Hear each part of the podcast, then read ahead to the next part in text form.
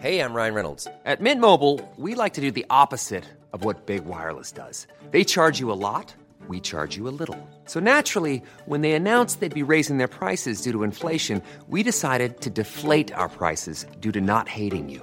That's right. We're cutting the price of Mint Unlimited from $30 a month to just $15 a month. Give it a try at mintmobile.com slash switch. $45 upfront for three months plus taxes and fees. Promo rate for new customers for limited time. Unlimited more than 40 gigabytes per month. Slows. Full terms at mintmobile.com. Getting engaged is a moment worth cherishing. A one of a kind ring that you design at Blue Nile can help your love sparkle. Just choose your diamond and setting. When you found the one, you'll get it delivered right to your door. Finding the right engagement ring can be nerve wracking. At Blue Nile, you'll have the expert guidance needed and a diamond guarantee that ensures you're getting the highest quality at the best price. Cherish all of life's moments and save up to 30% at BlueNile.com. That's BlueNile.com.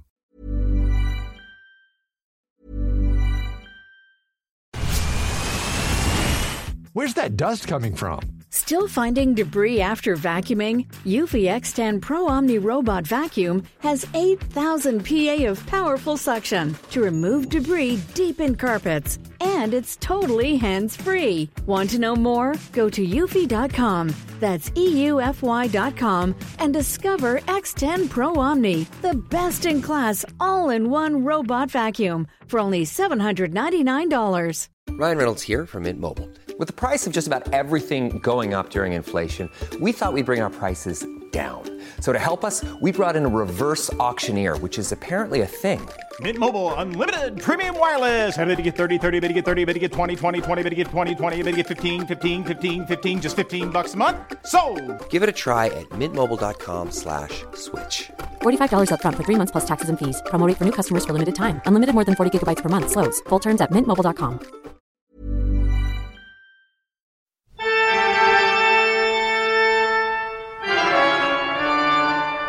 Velkommen til Kvinneguiden, det mørkeste sted på internett, og til to glade venner av Kvinneguiden med røtter i Molde og har vokst opp delvis på Kvinneguiden. Fortell meg hvordan livet ditt har vært den siste uka i form av eh, dine Google-søk. Nå har jeg fått ny mobil, så nå bruker jeg egentlig bare Siri. Jo, men det kan du ikke gjøre, for da mister vi hele Vi har én spalte som er fast, liksom, Stine. Da Ja, du men jeg, jeg kommer til å bli lei, men det er på en måte, du vet, den første uka. Hei, Siri. Altså, det der er Nei, nå begynte hun! Ja. Ja, ok, stopp. Nei, Siri, ikke, ikke nå.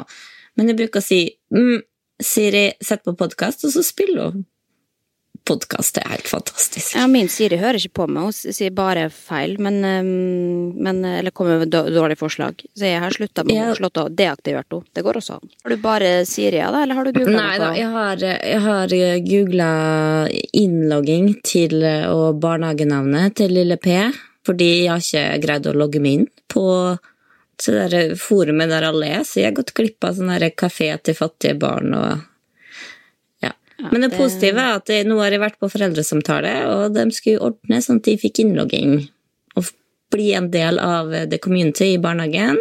Foreldresamtale, spent på hvordan det gikk. Ja, har man det i barnehagen òg også? Ja, ja, ja, ja. For man bryr seg om personligheten til barnet sjøl om det er under skolealder. Ja, man gjør kanskje det. Og hun fikk, eh, hun fikk toppkarakter, faktisk. A eller eh, sekser, jeg vet ikke hva de eh, bruker. Men det var Ja.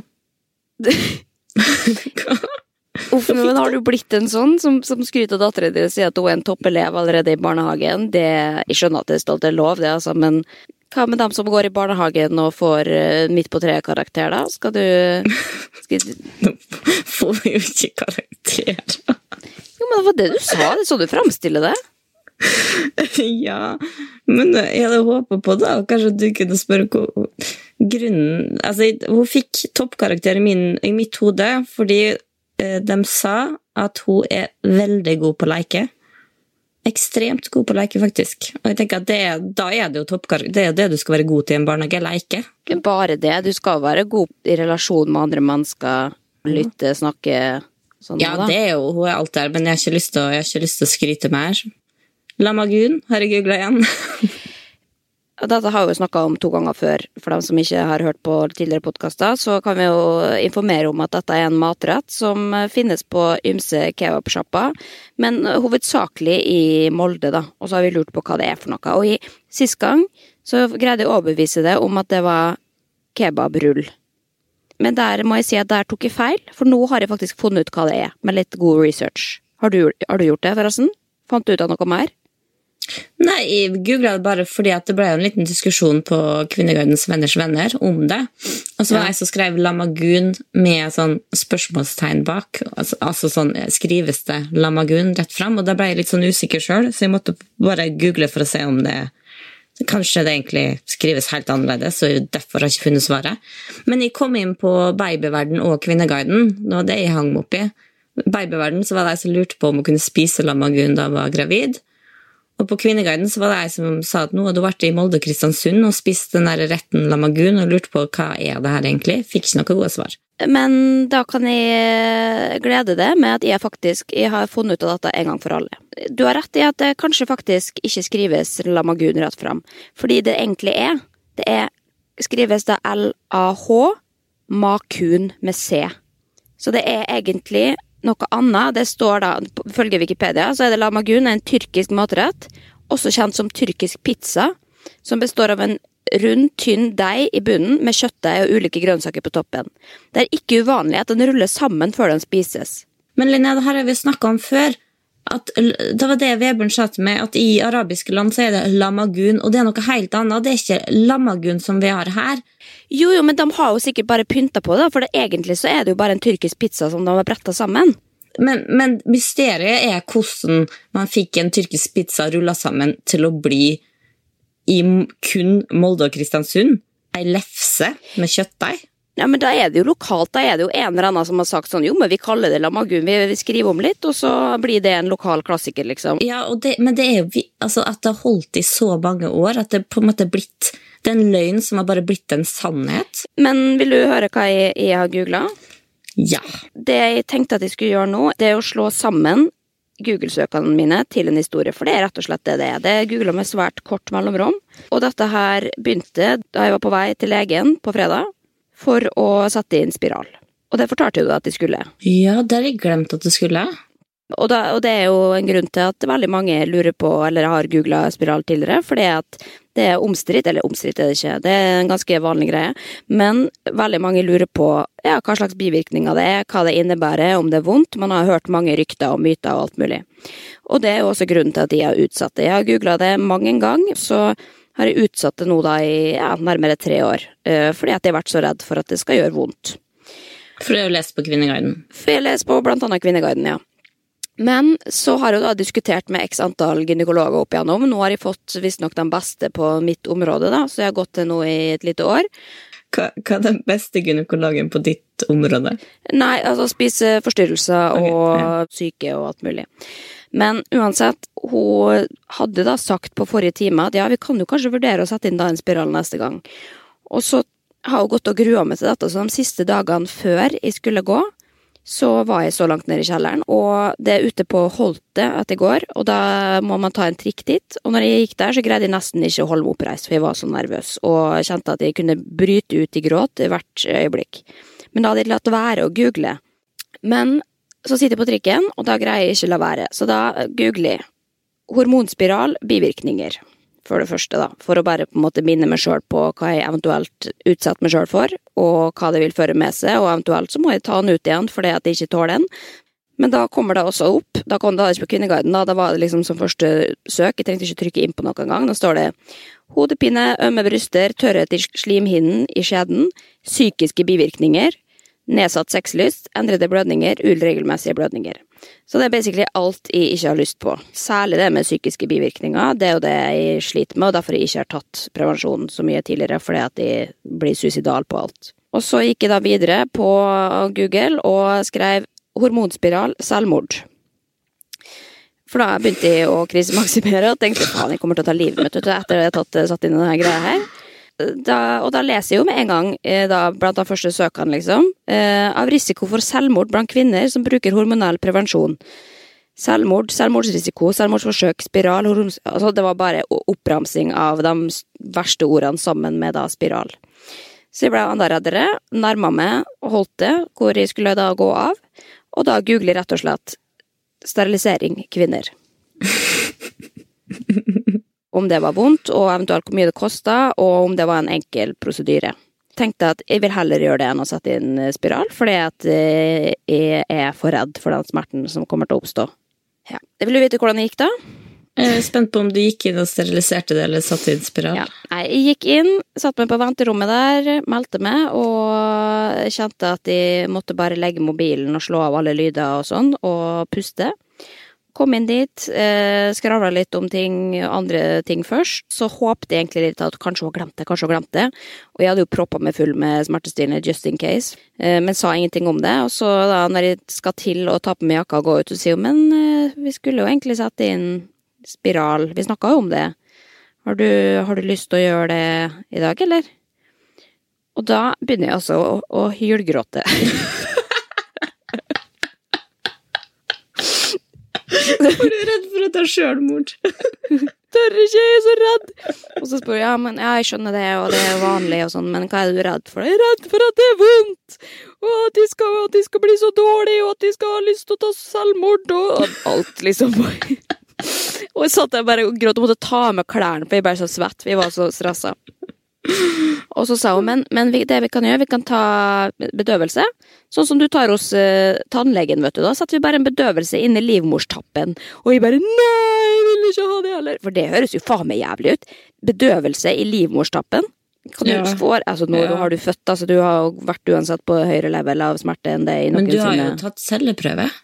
Ja, men jeg har bare mak- krisemaksimert og tenkt at dette er det jævligste ever, da. Ja, jeg skal ikke gjøre denne historien lenger enn den trenger å være, altså. Men det jeg da altså gjør, setter meg oppi der, tar av meg nedentil, får eh, det minste instrumentet inn, og hun setter sprøyte.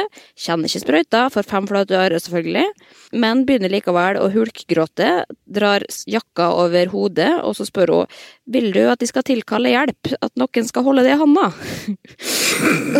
Og så sier er nei, nei, det vil jeg ikke. Men det var hyggelig at hun spurte, da. Så- Men jeg var veldig dramatisk. Og så satt jeg der og kneip alle musklene, for det er jo det man ikke skal gjøre, selvfølgelig, for da blir det bare verre. Og så satt hun inn i spiralen. Kjente ikke en dritt. Jeg vet det. Så det var, Men, det var eh, pinlig. Men du har ikke Ja. blitt noe dårlig etterpå? Nei, jeg bare hatt litt uh, mensensmerter, liksom. Ikke sjølmordstanker? Nei, ikke utenfor det vanlige, liksom. Så det er jo veldig Altså, jeg skal aldri si aldri, det kommer vel på et eller annet tidspunkt. Men Ja, jeg, eh, men jeg skal ikke, altså, jeg skal ikke dømme. Jeg òg krisemaksimerte. Propper full med samme. Smertestillende. Vebjørn måtte ta seg Jeg, jo, jeg var jo mammaperm, hadde jo liten unge, men jeg tvang Vebjørn til å ta seg fri fra jobben. For at han måtte passe henne også ut resten av dagen, for at jeg var sikker på at jeg ble så dårlig at jeg kom til å ligge. De sitter på en på kafé ved siden av, vi kommer liksom gående, ingen tegn til. Han ble nesten litt skuffa, tatt seg fri fra jobben og sitte liksom bare Ja, jeg og klandra Sondre, for da var det jo natt i LA, så jeg var jo i kjelleren fordi han ikke kunne være der på FaceTime omtrent. Altså, det er så tragisk. Men det er i hvert fall til oppfordring til andre. Og det var ikke hormonspiral jeg tok, jeg tok kobberspiral. øh, Hvorfor det? Fordi hormonspiral hadde kanskje ikke vært det optimale for meg, da. Det er jo bare et Kobber er jo et fremmedlegeme, legeme, som hun mente at ville være det beste alternativet for meg. Så da får vi bare se hvor lenge det varer. Nå kan jeg i hvert fall ikke få barn på fem år, eller et eller annet sånt, så det er jeg veldig fornøyd med. Ikke en jeg som ble gravid på kobberspiral. Ja, jeg har hørt eh, skrekkhistorier om at man kan bli født med spiral på hodet. Men eh, Ja, jeg tror det er det er sikkert ikke sant, da. Vi kan finne ut det på Kvinneguiden om noen har, eh, har en sånn historie. Apropos Kvinneguiden, skal vi gå inn, eh, inn i det? Ja. Ja, la oss gjøre det. Hva er den største feilen du har gjort på jobb? Er det da noen som spør. Hun kommer sjøl med egen historie, men den var så dårlig at den gidder ikke å lese opp, dessverre.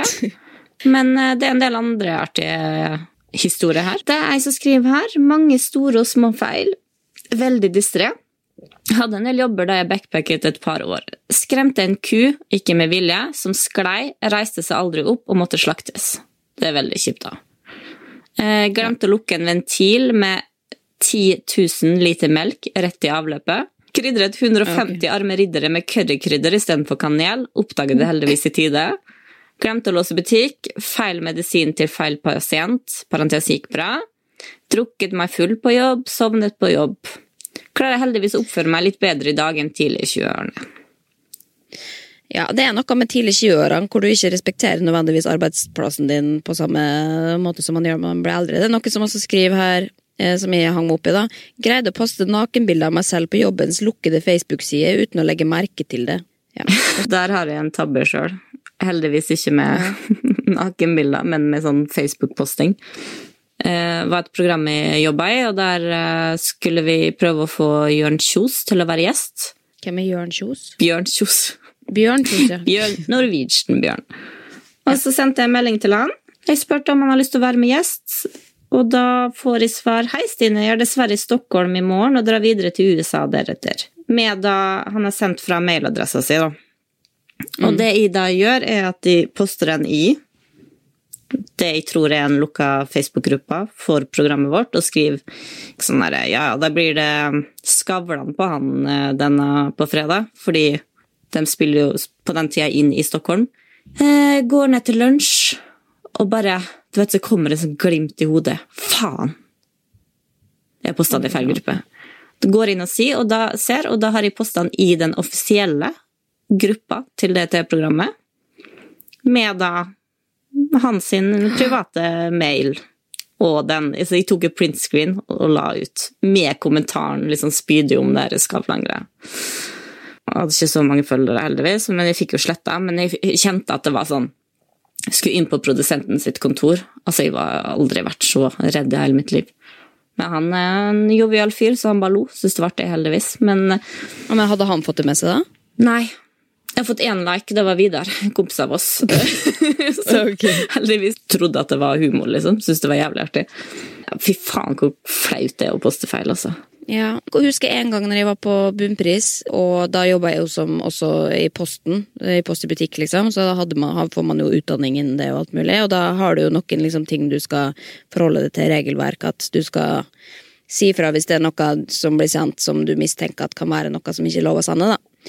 Det var en fyr da som kom inn, og så hadde han en stor pakke med et eller annet som så ut som liksom jord, på en måte.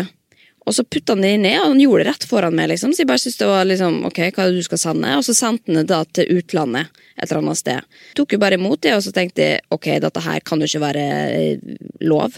Eh, så da ringte jeg til politiet. 112, som er rett borti gata der for bunnpris, kom, kom gående ruslende bort for å da finne ut og si ja, jeg tror det er noen som driver og skal sende narkotika til utlandet. Kan dere komme og se? Og så kom de, gikk vi på bakrommet, og så da åpna jo pakka da, for å kikke, liksom. Og da sa de et eller annet at ja, vi aner ikke hva det er for noe, men det er i hvert fall ikke narkotika. Det ser ut som at det kan være liksom rottemat eller et eller annet helt sånn absurd. Men eh, jeg står fortsatt en dag i dag på at det var et eller annet som ikke var lov. Men, det, men jeg var veldig flau, da, fordi at liksom politiet måtte gå. Bedre å ringe en gang kanskje. for mye enn en gang for lite. Ja, Men du, digresjon. Var på bunnpris i dag. Jeg, jeg kjøpte det funky-brødet en dag. Og Geir, eh, vår venn på bunnpris, med ansvar for brødet, han var veldig opptatt av at det her var et bra brød. Var, var fornøyd med brødet til hun Bertha, som han kaller henne. Og så var jeg der i dag igjen og sa at jeg var fornøyd med brødet, og han òg, helt enig, det bevares så Han mente at det bevares så godt, da. Du kan ha det lenge at det fortsatt er saftig. Skal ikke drive noe mer reklame for henne nå. Uansett, da sa jeg en sånn Ja, Linnea var ikke helt solgt, for vi snakka i går kveld om det brødet. Og da blei han faktisk litt fornærma, så du må passe deg litt neste gang du er på bunnpris. Ja, men du må være også passe, for jeg tror at de sa til, til Funkygina at de likte brødet hennes, men det var jo bare for å være snill, selvfølgelig. Men jeg, jeg, det er jo fordi de har veldig spesielle preferanser på brødet mitt, og det er at jeg vil at det skal være hel skorpe rundt. Jeg vil ikke at det skal være sånn åpning på sida, og så vil jeg helst at det skal være helt firkanta. Så jeg kjøpte det, det var godt, og jeg likte det veldig godt, liksom, men jeg, det blir ikke gjenkjøp på denne brød, brødfyren. Men hadde du tilbake til tabba? Hadde du flere? Ja, nei, jeg kommer liksom bare på Jeg har, jeg har ligget Altså, ja, med sjefen min to ganger, sånn, eller to forskjellige sjefer. Det er jo ikke sånn Det skaper jo problem. Men det er kanskje en litt annen kategori. Ja, det kan være en tabbe. ja, så det kan ikke jeg anbefale. Men det skal jeg avslutte med en litt hyggeligere, litt mer lystig Ja, gjerne historie. Jeg skal skrive, Det har vært litt om døde personer. og jeg skal Angående døde mennesker så jobbet jeg på sykehjem i en alder av 18 år. Jeg skulle ta med meg den døde ned til kapellet i kjølerommet, men var ikke så gira på å ta heisen alene med et dødt menneske. Så etter at vi hadde stellet og pakket den døde inn i et hvitt laken, så skulle jeg kjøre den døde ned i kjelleren, der vi hadde et kapell og kjølerom. Trillet båren inn i heisen og trykket på kjeller, og tok ikke sjanse på å bli med heisen ned, men løp trappene, sånn at de skulle komme samtidig som heisen. Det jeg ikke tenkte på, var at noen i andre etasje trykket på heisen, og heisen stoppet i den etasjen uten å gå ned til kjelleren først. Så da heisdøren åpnet seg, ble den stakkars mennesket møtt av en tom heis med et lik inni, mens jeg sto i kjelleren og ventet på heisen. Fy faen, men det er jo som en film, liksom. Ja, Gladsak fra sykehjemmet. ja. Kanskje noen kan bruke det i en TV-serie, Exit eller et eller annet sånt. Ja. Ja. Er det normalt å gruble etter sosiale treff, er det noen som lurer på.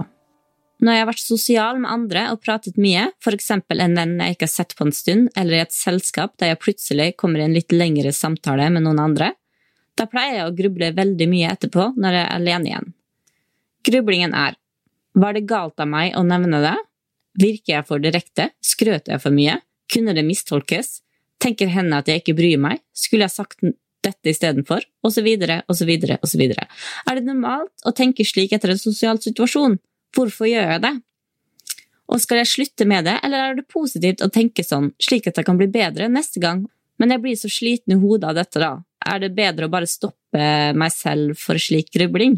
Ja, altså Spørsmålet her er jo da er det vanlig å gruble etter man har vært sammen med venner over hva man har sagt og gjort. Og, Og skamme seg litt. ja, og, og ikke minst tenke at kan det være nyttig å gruble. Og det vil jeg jo si med en gang at det er jo ikke et godt tegn å gå hjem og føle seg dum eller om man har sagt noe feil. Hvis man er trygg på seg sjøl og trygg på relasjonene sine, så går man hjem og tenker å, det var hyggelig. Det kan i hvert fall snakke for meg sjøl for, men det er jo noen ganger jeg går hjem og tenker faen, hva syns vedkommende om, eller syns vedkommende er dum, eller Og da er det jo situasjoner hvor jeg har vært utrygg, liksom. Ja, Det virker som det er det samme med henne. da. Hun sier liksom venner vi ikke har sett på lenge, eller større sosiale Ja. sammenkomster. Kan jo gjøre det litt, eh, til tider, i hvert fall. Um, men ikke så veldig ofte. Men det er fordi at de kanskje ikke er så opptatt av hva folk syns som er sosialt, fordi at de syns ofte at det er verre å prøve å gjøre et godt inntrykk fordi det koster så mye for meg, da, hvis jeg ikke kjenner dem veldig godt. Fordi at de er sjenert, rett og slett.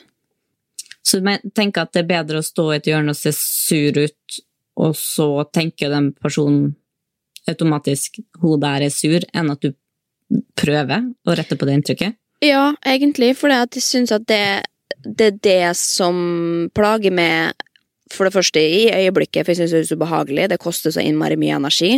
Eh, Men også så tar jeg med meg da veldig mye greier hjem, liksom. Som gjør at, at jeg tenkte faen, og de syntes sikkert jeg var dum. Og det er sånn i smalltalk-situasjoner, liksom. Faen, jeg prøvde å blande med det her, og så hørtes det helt rart ut. Og det er bare fordi de ikke er noe gode på det. Men pleier du å gruble når du går, går hjem? Absolutt. Ja, for du sa til meg for ikke så lenge siden når vi hadde vært Jeg husker ikke hva vi var på, kanskje vi var på livepod eller et eller annet sånt, hvor du sa sånn uff, jeg føler at det er så mye. Mm. Og jeg har aldri tenkt over det at du er mye, liksom. Jeg, men jeg kan jo tenke det om meg sjøl noen ganger, og det tror jeg er ganske vanlig at man, man tenker. Fordi at man er oppe i sitt eget hode hele tida og, og forholder seg til seg sjøl og sine egne tanker og analyserer seg sjøl og sine egne handlinger overfor andre, da. At man Å, kanskje det er derfor? Det har jeg ikke tenkt over. Jo mer tid du bruker med det sjøl, jo, jo mer tenker du på det sjøl og for, Eller Ja, men at derfor at jeg tenker at det har tatt veldig stor plass og prata veldig mye. Men jeg, jeg Ja, mens alle andre det, tenker jo bare på seg sjøl på samme måte. Sant? På samme måte som hvis du har vært på fylla, og så er du skamfull dagen etterpå, fy faen, og jeg var så plagsom, og bla, bla, bla. Og alle andre fikk med seg at de gjorde dette og dette, men alle tenker på seg sjøl og hva de gjorde, som de syns de var flaut. Men Man går jo bare videre og tenker på sitt. Ja, Hvis man ikke driter seg totalt ut. Men det er, det er noen personer altså ikke, Jeg føler at blant mine beste venner, som jeg er helt trygg på, tror jeg aldri har tenkt hva tenker den personen om meg. Nei. Men på en måte det i, utenom liksom innerste harde kjerne Og det kan være veldig personavhengig. At jeg, av og til kan jeg føle at det er noen personer som på en måte er litt ute etter å ta meg. Mm. Som jeg veit at hvis jeg sier noe rundt det, eller gjør noe, på en måte, at de ser at her er det piggene ute, og å, fy faen, sa hun det igjen. Gjorde hun det? Ja. Og det tror jeg egentlig kan være litt sant òg, i det.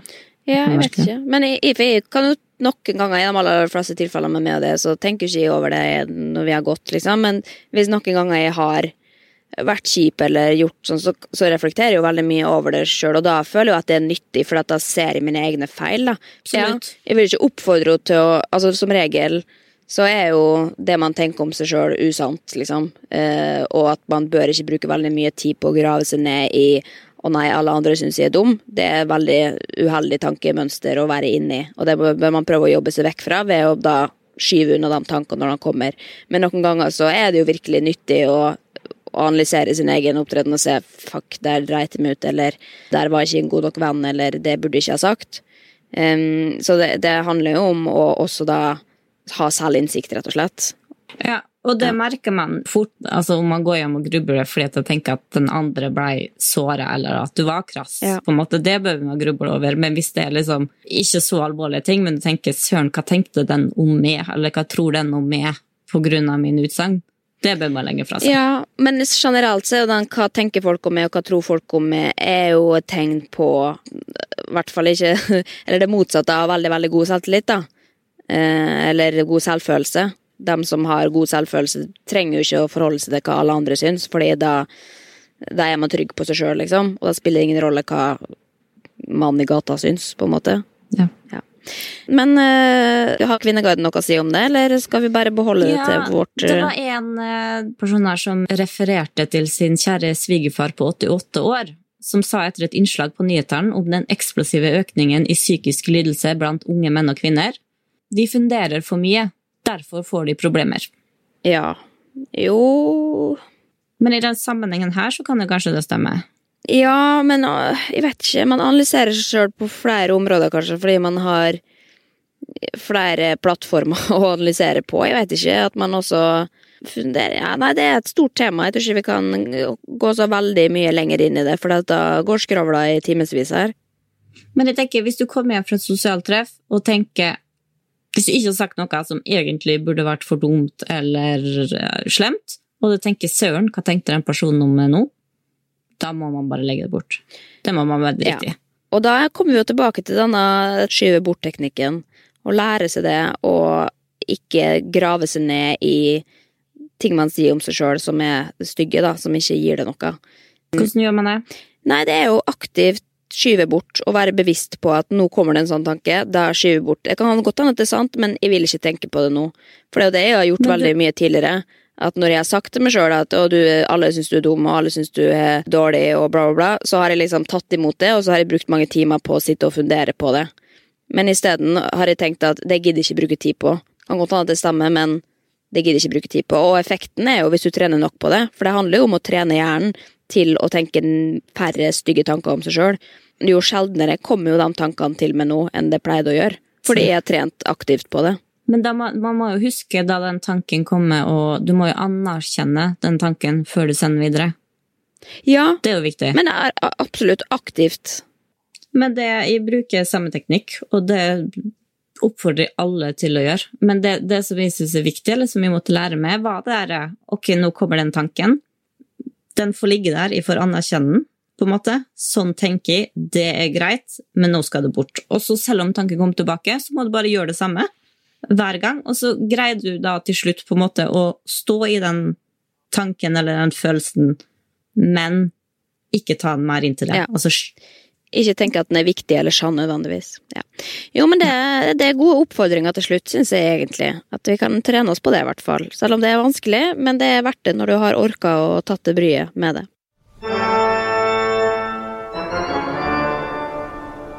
Jeg har funnet en tråd som eh, ligger i forbrukerjuss og økonomi. En kategori vi ikke er så veldig ofte inne i, men eh, det er noen da som skriver som følger. Er flaks og lotto bare tull? Eller vinner faktisk noen på ekte?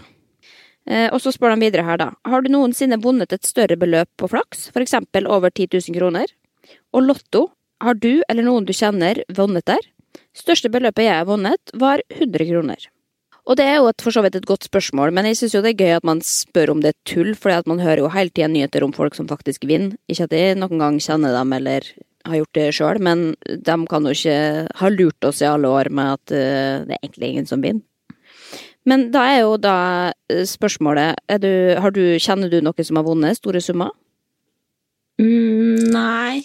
Jeg bare hørt at faren til Taralina tror jeg har vunnet én mil en gang. Jeg, tror han har vunnet to ganger.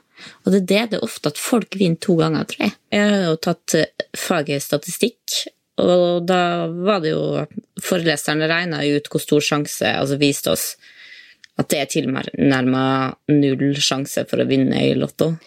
Klart at han eh, hadde vært på butikken en dag og tippa Lotto, og da hadde det kommet to elever, eller tidligere elever, og hadde fått helt sånn sjokk over at han kunne stå og kjøpe Lotto når han liksom hadde lært hvor liten sjanse det var. Så de hadde følt seg lurt, da.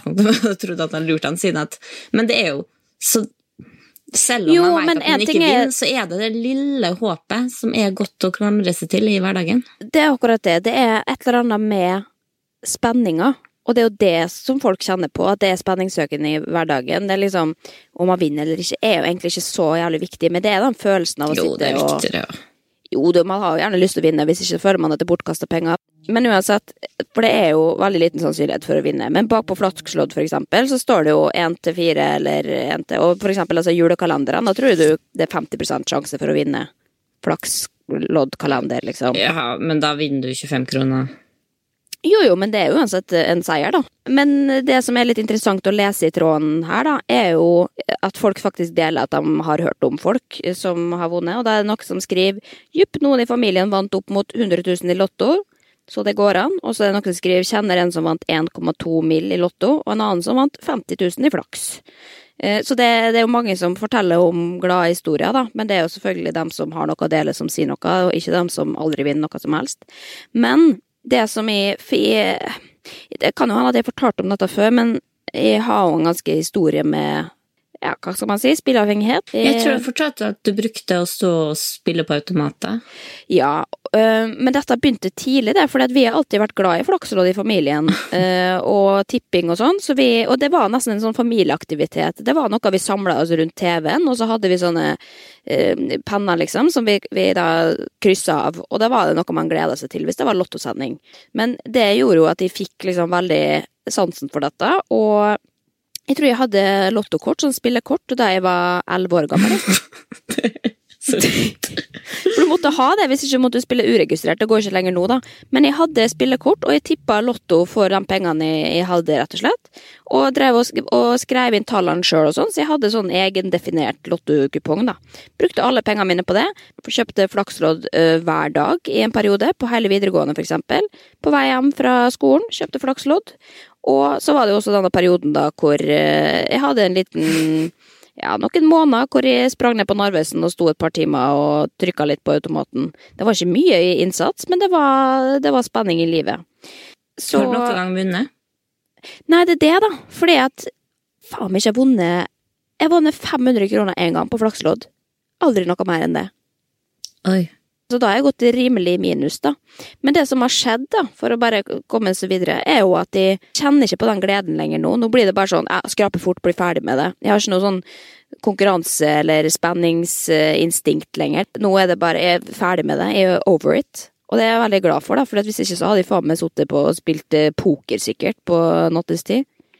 Men det er jo bra, men jeg er, ikke, jeg er fortsatt der at jeg har den spenninga. Men det er sikkert for jeg ble så misunnelig da jeg hørte at dere hadde det som familieaktivitet. Fordi i min familie så var det ikke lov til å tippe lotto, og det var Bestefar var veldig glad i flakslodd, så det var kun der vi fikk lov til det. Men greia Jeg har jo to flakslodd her. Har du det? Ja. Som du ikke har skrapa? Nei, og det er fordi at i sommer så da hadde Vebjørn bursdag, og han fikk, jeg tror det var 40 flakslodd av søstrene Kåss Furuseth. Og vi gikk jo helt i spinn. Vi brukte 40, var... 40 flakslodd? Hvor mye penger blir det da? 25 ganger Nei, Det var sikkert ikke 40, men det var Det er jævlig mye penger, i hvert fall. Da skulle jeg ja. hatt eh, en kutt, altså, hvis jeg hadde hvis de hadde vunnet på Ja, det. det, det får de ikke. Men vi satte oss i gang. Vi hadde lagt opp hvordan vi skulle skrape. Vi skulle på hytta, det skulle vi skrape så og så mange. Før vi starta, så satte vi liksom opp et sånn Ok, hvis vi vinner så mye, så skal vi bruke dem på det. Hvis vi det reiser Men det må du ikke gjøre, for da blir du i hvert fall skuffa. Du må bare ta alt som en bonus. Ja, for jeg var, jeg var sikker på at her vinner vi, liksom. Det er 40 fuckings flakslodd. Det her kommer til å gå veien. Psst, Det har kanskje vært 25 her, maks. maks mest har vært 100.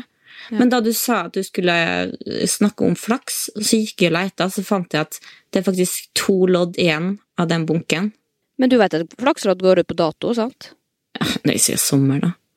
Hvis du har vunnet på dem, og du ikke leverer dem innen Jeg tror det er liksom nyttårsskiftet eller Heves noe sånt. innen 31. i 1. 2021. Ah, ja, okay. Men eh, uansett, da tenkte jeg, da jeg så det her, så tenkte jeg at her ligger millionen. å. Jeg er sikker på det. Jeg er sikker på det. Nå trodde Jeg det var en million.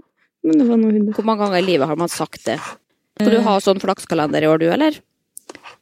Nei, fordi at den har bare skuffa meg. Ja, I jula så har jeg ikke lyst til å bli skuffa. men er det noe gevinst her, eller? Da hadde du hørt det. Og så sitter, må jeg liksom sitte og stirre litt mer, da, for det er sånn, kanskje jeg tok feil, og så er det litt mørkt her. Nei, men hvis du ikke vant, da kan vi jo bare konkludere da, med det Trådstartet begynner om, om flaks og lotto bare er tull. Da kan vi si at ja, det er det. Hvis du ikke greier å vinne på 40 lodd en gang, da er det bare, bare tull. Ja.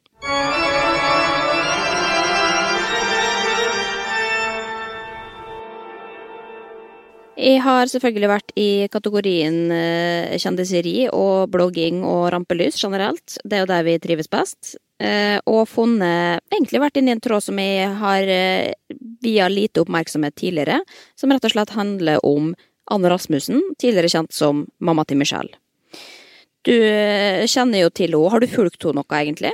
Fulgte med på Unge mødre fra da hun var 15 Ja. år og ble mor for første gang. Og sett på bloggerne og litt, litt bloggen, men er ikke noen stor, stor consumer til.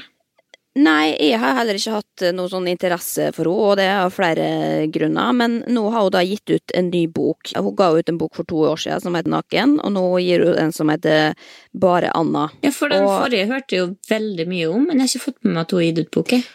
Nei, det er på en måte bare en ny selvbiografi, tror jeg, da. Um, men den forrige også var utleverende, men ikke utleverende nok, og så nå byr hun på litt mer, da. Så nå så jeg jo på liksom God kveld Norge, blant annet, hvor hun da snakker om en abort, og så har hun vært på God morgen Norge og snakka om liksom ja, skal vi danse exit, og det, det blir litt sånn behind the scenes, da. tok, hun har jo tre barn. Tid tok hun abort? Nei, det var rett etter bryllupet, visstnok. Um, og det er jo kanskje det som har fått mest oppmerksomhet, da, som er jo trist nok i seg sjøl. Men uansett, hun har vært eh, åpen og snakka om det på God morgen Norge, og har fortalt ærlig også liksom om at det har vært tøft de siste årene, fordi at hun har vært ja, Hun gikk jo fra å være millionær før hun ble 18 år, liksom. Kjøpte seg villa og det ene og det andre. Um, til å da bli plutselig, sakte, men sikkert, ganske ja, ikke upopulær, men at hun mista lesere, hun mista samarbeidspartnere, inntekt, og hadde mye ting som gjorde at hun kanskje ikke hadde den samme tilliten og heiaviljen da, som hun har fått tidligere.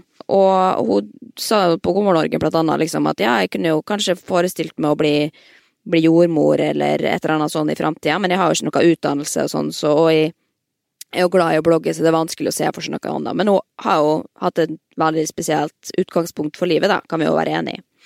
Hun ble hun som 15-åring. Ja, det er, jo, det er jo spesielt i seg sjøl, og så har hun også vokst opp på internett, på en måte, og det jeg tror ikke man kan sammenligne seg med det uten å ha vært i hennes sko.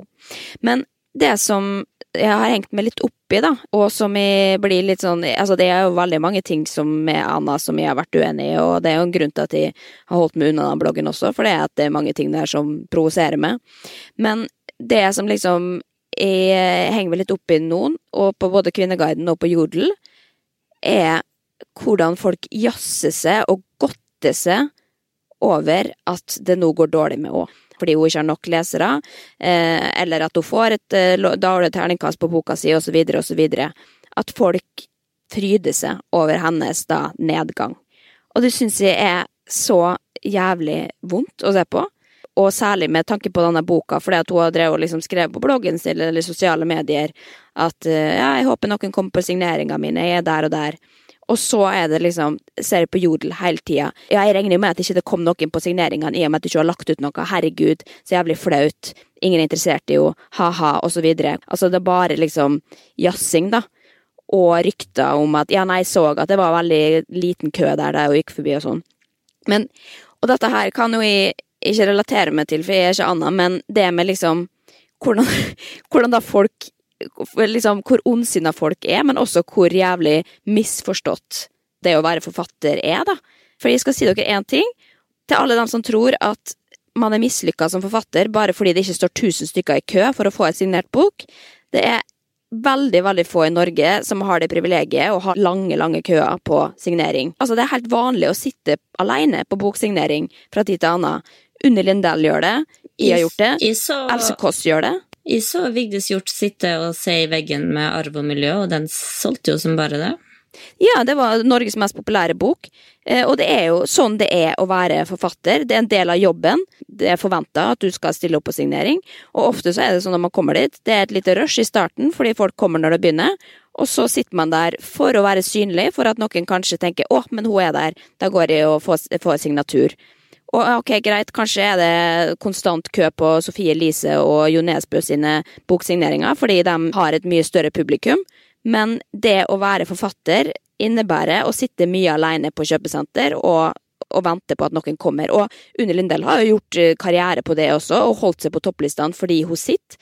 Hun sitter timevis på et kjøpesenter og strikker og snakker med leserne sine, og får dem til å kjøpe bøkene sine.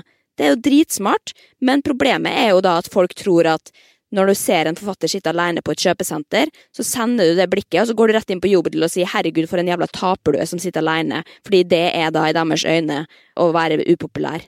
Og jeg synes det er så jævlig trist og så misforstått, og så synes jeg også det er jævlig ræva gjort å godte seg over at andre ikke har det bra. Det er jeg enig i. Tror jeg kanskje den minst sjarmerende egenskapen et menneske kan ha, er skadefryd. Ja, det er jeg enig i. Og de som mener at alt er andre sin skyld. Ja, det er også for så vidt. Altså, jeg har mange usjarmerende egenskaper, jeg også, men vi har jo en del av det alle sammen. Men det å liksom vise det, sitte og jazze opp på Kvinneguiden og på Jodel og diskutere og bryte ned mennesker som allerede ligger nede, jeg synes det er helt forkastelig. Men, men jeg ville også En ting er Anna, liksom, men bare vite det også, hva en signering er. Og særlig nå i juletider, hvor det sitter forfattere rundt. Det er en del av jobben som forfatter. En jobb som handler om å være synlig for potensielle lesere. Jeg har vært på signeringer i byer hvor det har vært kø i en time, for å så dra til en annen bokhandel ti minutter unna i bil, og det kom ingen. Altså, det er, sånn, det er tilfeldigheter, så det er en del av jobben å ikke sitte og latterliggjøre folk fordi at de gjør jobben sin. Tenk på alle dem som skriver fantastiske bøker, får terningkast seks, vinner Brageprisen og, det, og det ene og det andre, og som er ikke kjente i det hele tatt, skal de la være å dra ut på turné, da, at, eller signeringer, fordi at de ikke har publikum som står i kø utafor, liksom. Du kan vinne bokhandelprisen selv om det ikke kommer en kjeft på signeringene dine. Det, ikke, det, det henger ikke sammen nødvendigvis. Og det må folk forstå. Det må jeg bare få si. ja. Si som Vebjørn bruker å si, jodel er gift. Ja, det er det faktisk. Men det er litt artig òg, da. Innimellom. Når det funker, så er jodel ganske gøy. Men når, det, når han sitter der i mobb og ja, snakker stygt om folk som ikke har det noe bra, det syns jeg Men Kvinneguiden er ikke noe bedre, selvfølgelig. Det jeg syns var positivt med intervjuet med Anna Rasmussen på God morgen Norge, var jo at hun sa det at å, kanskje jeg kunne vært jordmor en gang, liksom. Så begynner de da å ramse opp listene til at hun ikke kan bli jordmor, at det er for vanskelig for henne. Er som skriver Let's face it, det jordmoropplegget kommer aldri til å skje. Hun har tre barn, og hun kommer ikke til å klare det. Så nei. Vet du hva, jordmora mi da jeg fødte, hun hadde fire barn nå. Greide det helt fint. Ja, sant. Ja, klart at det ville jo kreve Altså, det krever jo like mye av henne som det gjør for hvem ellers, og kanskje enda mer også, å skaffe seg en jordmorutdannelse, men Men de fleste på Kvinneguiden, Rampelys og Jodel sitter jo og maser om at folk må få seg en skikkelig jobb, og hvor blogging ikke er en, en jobb. Og så sier, ja. de sier bloggere at de har lyst på en skikkelig jobb, lyst på en, en annen jobb, som for eksempel jordmor, så er det feil å si òg. Ja, da er det Nei, det får du aldri til, liksom. Altså, ja, det er Ja, ja, haters gonna hate, altså. Kvinneguiden is gonna hate. Men uh, Så der må jeg bare si at der hadde jeg bare lyst til å, å få sagt det på vegne av uh, både meg sjøl, men også med forfattere og Når dere ser en, en forfatter sitte alene, eller smil til dem og tenke at eh, ja, sånn er det. Det er en del av jobben. Men ja, ja, ja. Men eh, sånn, sånn, sånn går det dagene på Kvinneguiden. Det er, det er dårlig stemning, og her er det Jeg ser du holder på å sovne av mitt uh, lille resonnement her, men den, den er jo grei. Du hadde så mye på hjertet at jeg visste ikke Ja, hvor jeg skulle om jeg, jeg greide ikke å bryte inn. Så tenkte jeg at nå kan du bare få lov til å få tømt det. Ja, men, eh, men uansett skal vi bare oppfordre til uh, å være snille med hverandre, da. Det er lov å tenke sitt også, men ikke spy det ut på internett eh, hvis det Ja. Hvis Kan jeg, ikke vet kan jeg avslutte med et uh, sitat fra Scooter? Scooter. Ja. It's nice to be important, but it's more important to be nice. Hardcore. Ja, det er sant, men han har faktisk stjålet det av noen andre, da. Men eh, det er jo lov, det. ikke, ikke pla... noen som ser slemme scooter begynner å anklage Jo, men det er det, for jeg har sett det. Det er et sitat Bare at det Ja, går an å ha to tanker. At han har tenkt, eh, tenkt det sitatet. Ja, det er sant. Det er helt sant. Men det er også lov å bruke sitatet til andre i sanger. Det gjør folk stått og slått i. Så jeg, er veldig glad i scooter, og det, nå er det snart på tide å ta frem denne Scooter sin julesang også, som er hardcore-versjon. Den kan vi faktisk legge på Kvinneguidens venners venner på Facebook, Ja, for den er såpass god. tidlig. Ja, den kommer før du plutselig aner det. Men bli venn med oss på Facebook inntil videre. Eh, Ja, vi skal oppdatere dere både det og andre ting. Men da sier vi takk for, takk for denne gang, og så møtes vi igjen på internett, vi, Stine. Ja, vi snakkes på Ja. internett.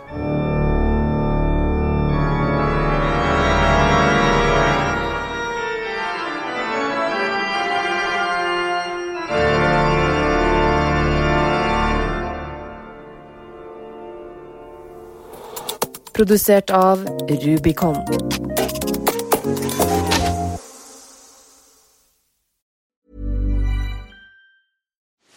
Are you ready to enhance your future in tech? Then it's time to make your move to the UK, the nation that has more tech unicorns than France, Germany, and Sweden combined. The nation that was third in the world to have a $1 trillion tech sector valuation. The nation where great talent comes together. Visit gov.uk forward slash great talent to see how you can work, live, and move to the UK.